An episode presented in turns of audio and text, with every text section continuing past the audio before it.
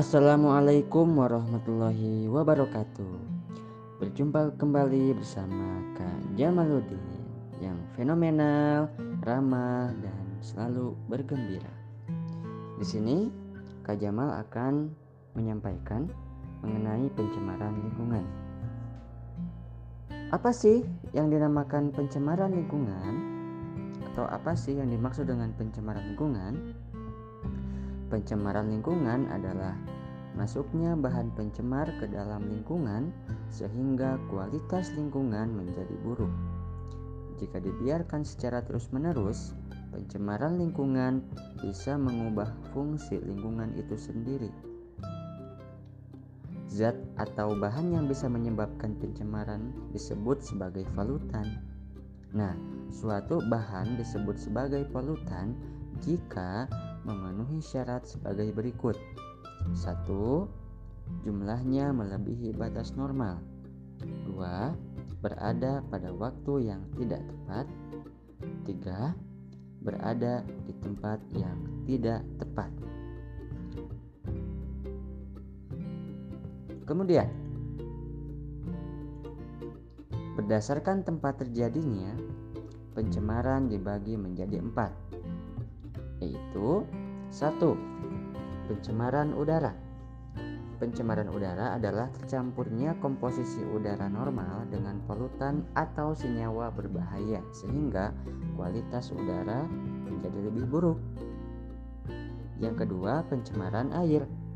Pencemaran air adalah masuknya zat atau senyawa berbahaya ke dalam air sehingga menurunkan kualitas dan fungsi air yang semestinya. Ketiga, pencemaran tanah.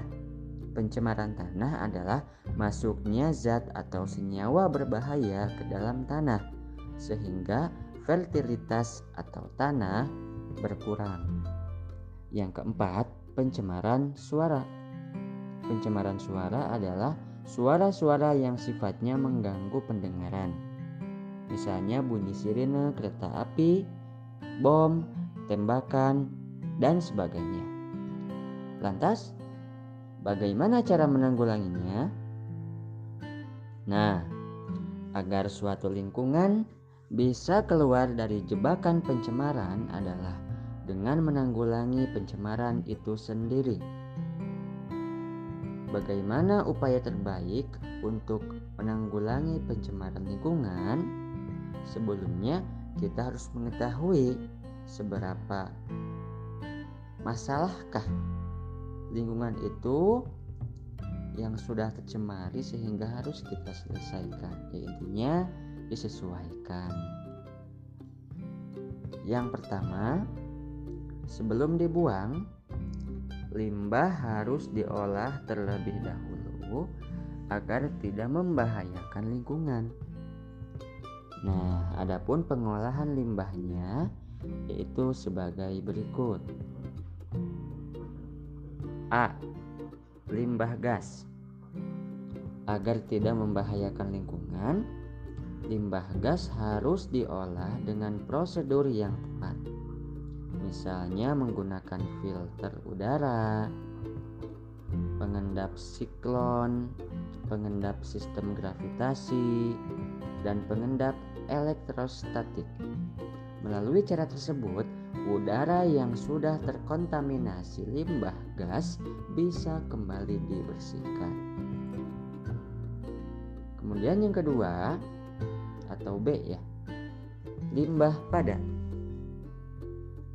Penanggulangan limbah padat bisa dilakukan dengan penimbunan tanah, penghancuran, pembakaran, pengomposan, dan pemanfaatan untuk makanan ternak. Penanganan seperti ini diharapkan mampu mengurangi sebaran bahan pencemar ke lingkungan. Dan C. Limbah cair. Limbah cair bisa ditangani dengan cara membuat biofilter, cubluk, tangki septik, dan pembuatan instalasi pengolahan limbah cair untuk skala industri besar. Maka dari itu, izin mendirikan pabrik harus diperketat. Misalnya melarang pembangunan pabrik di area pemukiman penduduk, persawahan, perkebunan, dan sebagainya. Kemudian juga adanya pemantauan secara rutin untuk mengawasi penggunaan pupuk atau zat kimia lain yang beredar di masyarakat. Yang selanjutnya yaitu melakukan penyuluhan tentang pembuatan pupuk organik, penggunaan pupuk organik, dan juga bagaimana pupuk organik itu bisa terurai dengan sendirinya oleh bakteri pengurai supaya bisa menjaga kesuburan tanah. Yang selanjutnya itu adanya reboisasi dan juga penyuburan tanah kembali untuk meningkatkan produksi gas oksigen yang bermanfaat bagi kehidupan. Maka, secara tegas, pelaku pencemaran lingkungan harus dihukum sesuai dengan aturan yang ada.